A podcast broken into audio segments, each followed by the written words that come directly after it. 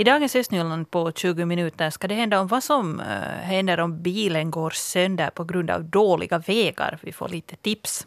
Det parti vi ska gå igenom så här inför riksdagsvalet idag är Blå framtid.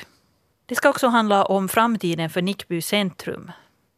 Vi kollar också på hur det går med Pyttis fågelskyddshem som eh, har dåligt med pengar. Jag heter Helena von Aftan, välkommen med. Våren är här och med den kommer också klagomålen om dåligt skötta vägar. Och vår reporter Fredrika Lindholm hon har tagit reda på vad det man ska göra om olyckan är framme.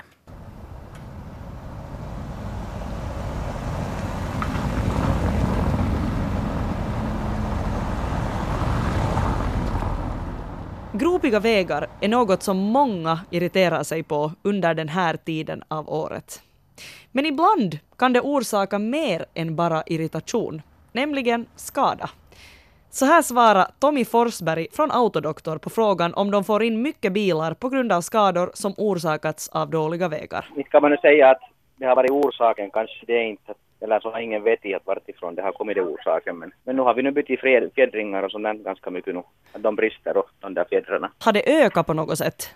No, kanske nog inte så har materialet blivit dåligare. Det är ännu svårt att säga. Forsberg säger också att de vanligaste skadorna en bil kan få av just gropar är att fjädringen, fälgen eller däcket går sönder.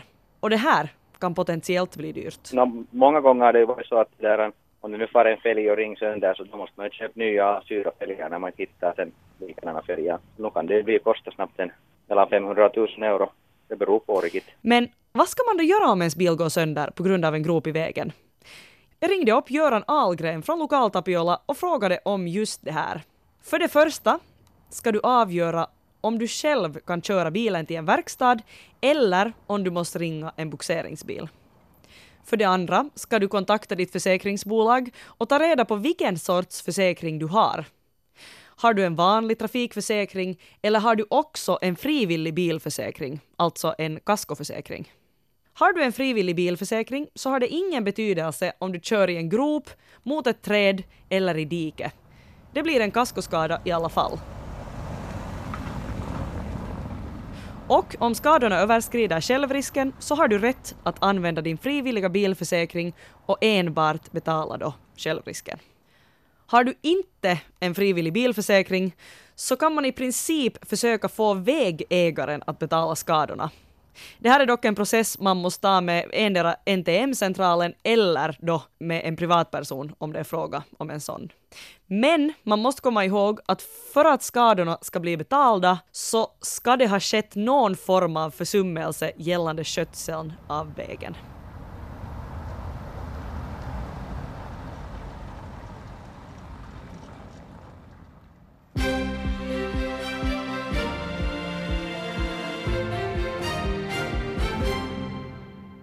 Klockan är halv åtta och det här är nyheter från östra Nyland. Jag heter Mira Bäck. God morgon. Utvidgningen av Nickby hjärta i Sibbo beräknas kosta 13,3 miljoner euro. Det är en kostnadsprognos som kommunfullmäktige i Sibbo godkände vid sitt möte igår. Fullmäktige godkände projektplanen för Nickby hjärtas fas 2 för drygt två år sedan. Då var kostnadsprognosen 10,2 miljoner euro. I januari konkurrensutsattes hela projektet på nytt och i den prognosen ingår också de, kostnad, de kostnader som orsakats av tilläggsplaneringen. Byggande av Nickby Hjärtas fas 2 inleds i början av juni och beräknas stå färdigt våren 2021. På en del fakturor som Sibbo kommun har skickat ut har förfallodagen märkts ut fel. Det gäller fakturor från mun och tandvården. Orsaken är ett systemfel. Till exempel på måndagen den 25 mars har det gått ut en del fakturor från Sibbo kommun i vilka förfallodagen är redan den 1 april. Trots felaktiga förfallodagsmärkningar är det alltid 14 dagars betalningstid från och med ankomstdagen i kommunens fakturor. Nu ska gamla och farliga träd fällas i Folkparken i Kokon i Borgo. Träden är planterade på 1800-talet men några träd och en stor del av den gamla grandungen är på grund av sin ålder i dåligt skick och utgör fara. Kompletterande planteringar görs i samband med att parken restaureras. Också den 120 år gamla Lindallén ska beskäras för att förlänga trädens livslängd. Staden har inventerat och konditionsgranskat träden i landskapsskogen. Under vårens lopp ska det dessutom göras en restaurerings och, kö och skötselplan för den historiska parken i Kokon. Barnamordet i Borgo behandlas i hovrätten med start idag. Mannen som dömdes till livstidsfängelse för mord vill få domen prövad. I tingsrätten erkände han dråp men nekade till mord. Det var i november 2017 som mannen knivhögg sin treåriga dotter i Lyseiparken. Rättegången i hovrätten beräknas pågå i tre dagar. Och en ladugård har brunnit i Mörskom. Den cirka 700 kvadratmeter stora ladugårdsbyggnaden fattade eld tidigt i morse. Räddningsverket ryckte ut med 15 enheter. Enligt brandmästaren på plats fanns det inga djur i byggnaden men man räddade en bil och en motorcykel undan lågorna. Inför riksdagsvalet presenterar vi på Yle Vega i Östnyland riksdagskandidater från den del av regionen som vi bevakar, alltså Sibbo, Borgo, Lovisa, Lappträsk, Mörskom och Pyttis. Och vi ser på hur de har svar på frågorna i Yles valkompass. Turen har nu kommit till blå framtid. Mikael, hurdan är de blåas kandidatnominering i Nyland sett genom östnyländska ögon?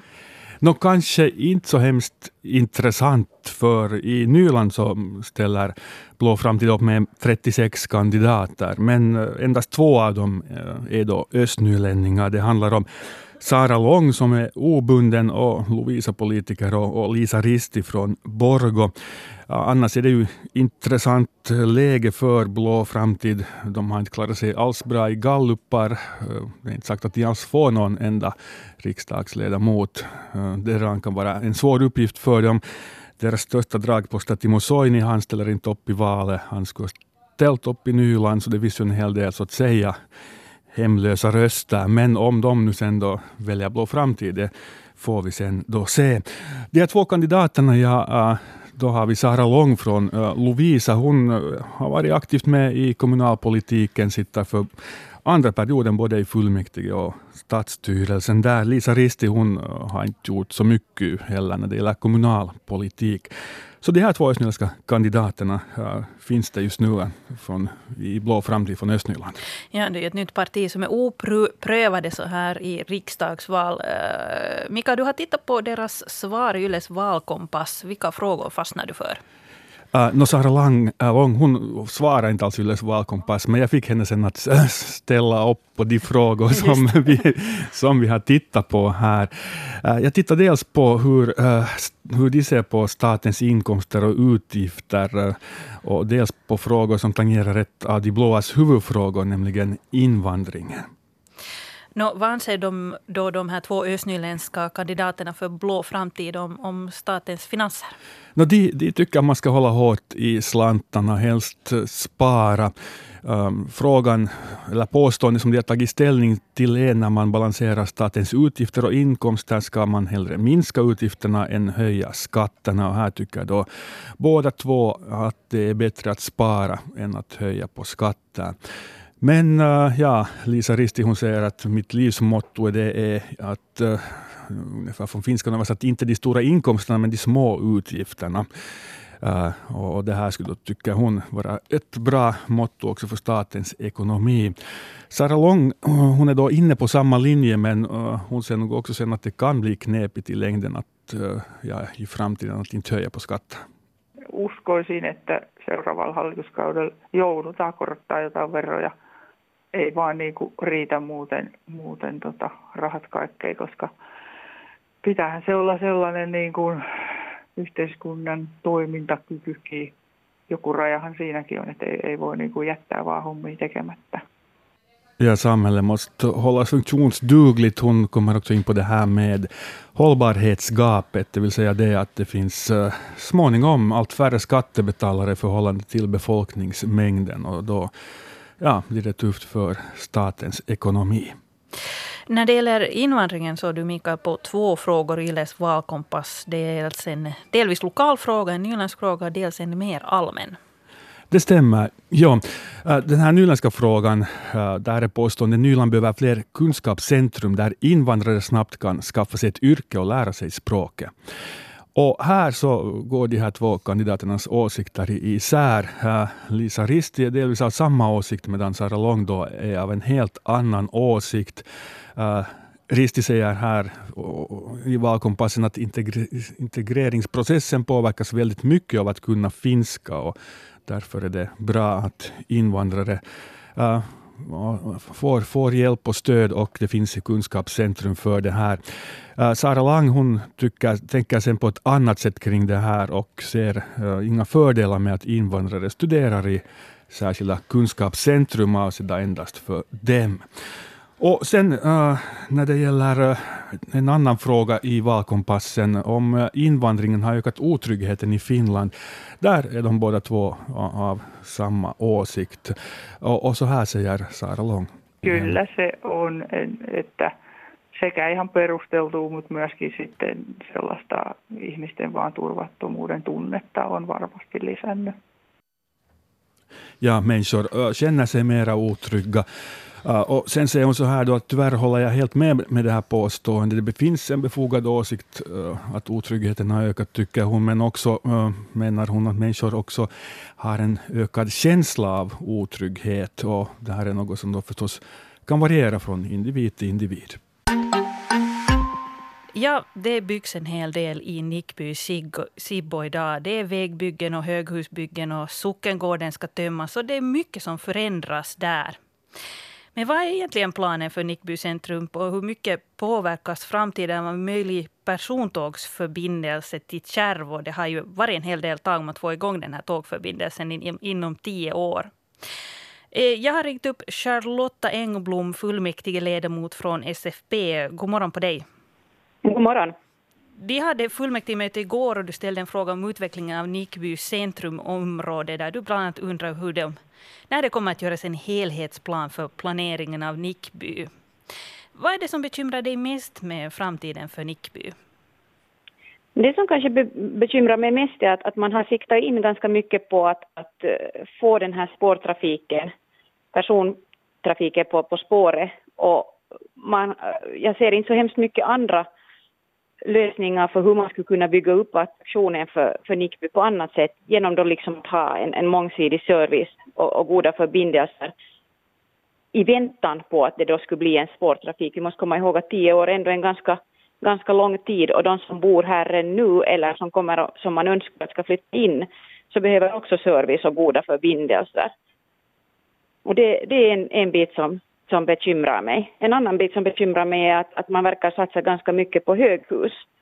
Och det försvarar man då med att man behöver befolkningstillväxt i Nickby och höghus är mest effektivt och att få en större befolkningsmängd för att möj möjliggöra den här spårtrafiken.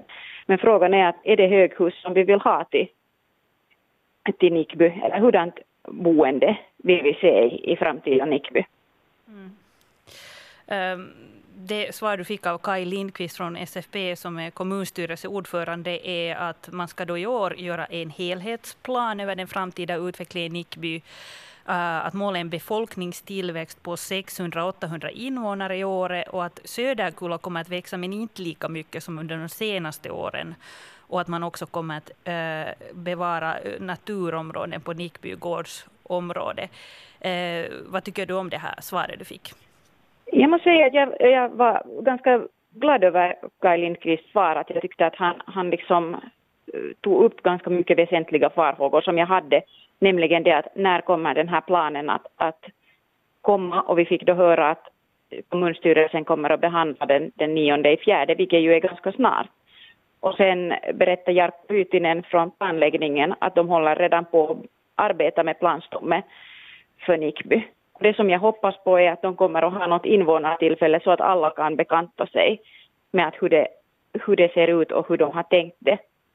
Och en annan positiv sak var att de tog upp det här med före detta busstationen och, och hur, hur det, att den står i, i centrum nu för att, att byggas snarast. Men eh, sen vad som gäller Nickbygårdsområdet så är jag nog lite mer skeptisk att hur kommer det att se ut att kommer man, hur hårt kommer man att gå åt naturen där och hur mycket kommer att bevaras. Att de bilderna så skulle jag snart vilja börja se så att man kan påverka och, och se att hur det tänkt att det ska byggas. och var ska de här invånarna som man har planerat ska flytta in varje år, var kommer de att, att hitta sitt he framtida hem? Jag talar alltså med Charlotta Engblom, SFP, som eh, är i kommunfullmäktige i Sibbo och i eh, tekniska utskottet, vice ordförande. Eh, ja, du sa att du är bekymrad över naturen och tycker att det är dåligt att satsa på höghus, men kan man inte tänka så här att det är ju bra för naturen att man kanske bygger tätt och har mycket kollektivtrafik, att man skapar en sån här, ska vi säga, tät kärna i Nickby därifrån folk kan fara med tåg och, och buss till jobb och att man inte är så beroende av bil? Det är förstås helt sant. Uh, och en buss står ju, står ju minst lika eh, stilla som en, en bil på en motorväg in, in mot centrum eller mot någon annan central ort. Att på det viset så finns det ju en fördel med, med spårtrafik. Men eh, när det gäller Nickbys attraktionskraft så tror jag att, att miljön och, och småskaligt byggande är starkare än, än höghus och, och betongbyggande. Och där så tror jag att, att, att, det gäller att se på många olika lösningar, för jag, det skulle vara bra att se den här helhetsplanen, att hurdana egna hemsområden kommer det att bli. Och sen vad gäller också miljön, att hurdana vägar, hurdana förbindelser kommer man att bygga kring Nickby. Att hur har man planerat den biten? För just nu så, i och med alla vägarbeten, så är det ju rätt rörigt i Nickby. Och kommer man sen att fortsätta att, att leva i den här röran med, med nya förbindelsevägar så, så blir det ju också någonting som påverkar i sikt hur, hur man trivs i Nickby. Pyttis fågelskyddshem eh, det har varit hotat och eh, nu ska vi lite tala om hur framtiden ser ut för det här fågelskyddshemmet. Eh, det fick ungefär 100 000 euro mindre i statsstöd än tidigare år Uh, och nu på måndag kväll så beslutar kommunstyrelsen om ett understöd på 3 000 euro för det här fågelskyddshemmet där i Pyttis. Um, Fredrika, du har talat med Arto Håkkanen där vid Pyttis fågelskyddshem. Um, hur reagerar han på det här med, med att han fick ett understöd på 3 000 euro? Uh, ja, vi kan kanske höra vad han hade att säga. No ainahan se hienolta tuntuu tämän 21 vuoden jälkeen, kun kunta lähti mukaan tähän, vaikka pienelläkin summalla, niin kaikki pienistä puroista koostuu isompi virta. Han sa så här att det kändes bra att kommunen nu kom med efter 21 år och fastän den här 3000 euro är en liten summa så sa han att många bäckar små blir en stor å. Eh, så att eh, fast det kanske nu är en klen tröst i det här fallet när man har fått drygt 100 000 euro mindre av staten än tidigare så eh, känns det ändå bra att, att kommunen vill lite hjälpa till och, och ge en handräckning där. Kan du berätta vad det här skyddshemmet sysslar med? No, de tar alltså hand om vilda fåglar eh, och ibland också lite andra djur som kanske har skadats. Eh, de kan ju till exempel också föras till Högholmen, men att eh, Pyttis eh, ligger ju betydligt närmare, till exempel om det handlar om, om fåglar där som hittas lite österut, eller i, i Lovisanejden eller i Kymmenedalen och, och, så här, så då är kanske Pyttis fågelskyddshem närmare. Så det är det som det handlar om, så här kort sagt. sen har ju Pyttis fågelskyddshem varit i lite trubbel här före julen, så var det helt osäkert om det här fågelskyddshemmet överhuvudtaget skulle kunna fortsätta, för att den här Kymmen Kymmenedalens naturskyddskrets, eh, som tidigare hade hand om det, eh, sa att de inte möj- mera har möjlighet till det och då var det problem att hitta någon som skulle kunna ansvara för det här administrativa och ansöka om sådana statsstöd och sånt. Sen bildades det då en förening och, och via det så räddades det här fågelskyddshemmet så att man då fick någon som sköter administration och så vidare.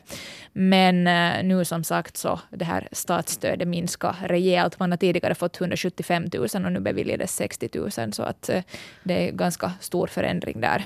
Ja, vad innebär det för dem att det blev så mycket mindre? No, jag frågar faktiskt av eh, Arto Hokkanen att hur det känns det här med att statsstödet minskar så mycket. Vi kan höra vad han har att säga så, så svarar han kanske på den frågan också.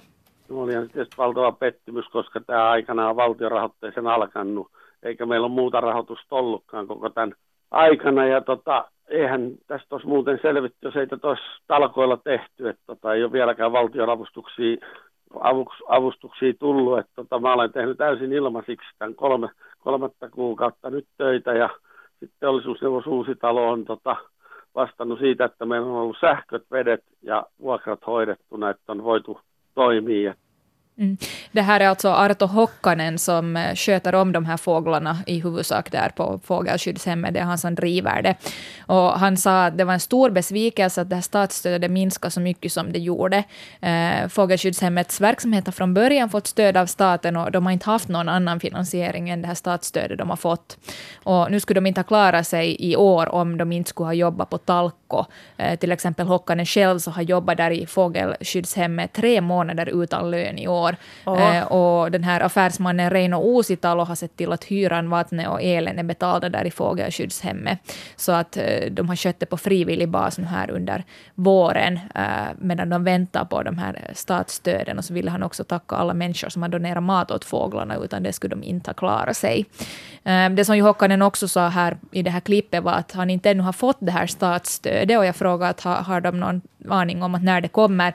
Och han sa att han har försökt få ett svar, att var det dröjer, men han har inte fått något klart besked där. Tydligen har det någonstans blivit ett missförstånd, så att den här utbetalningen har markerats som icke brådskande, men han hoppas att pengarna kommer så snabbt som möjligt. Uh, han sa att det är en ganska ofattbar situation, att de måste sköta om vilda fåglar som i princip är statens egendom uh, på Talko för att det inte finns pengar. Eh, räcker pengarna till? No, han var lite skeptisk till det, vi kan höra vad han hade att säga. No eihän, ei sillä summaltu pärjäämään varmaankaan loppuvuotta. Kyllähän se menee palkkoihin ja kuitenkin pitäisi meilläkin olla kaksi palkollista tässä listoilla, koska jos se jää minun vastuulle niin kuin aikanaan, kun tämä alkoi, tämä oli pelkästään minun vastuu, niin on palattu siihen samaan, niin en, en sitä, eihän se tule millään riittämään se raha, jos se riittää yhdenkään ihmisen palkkaamiseen.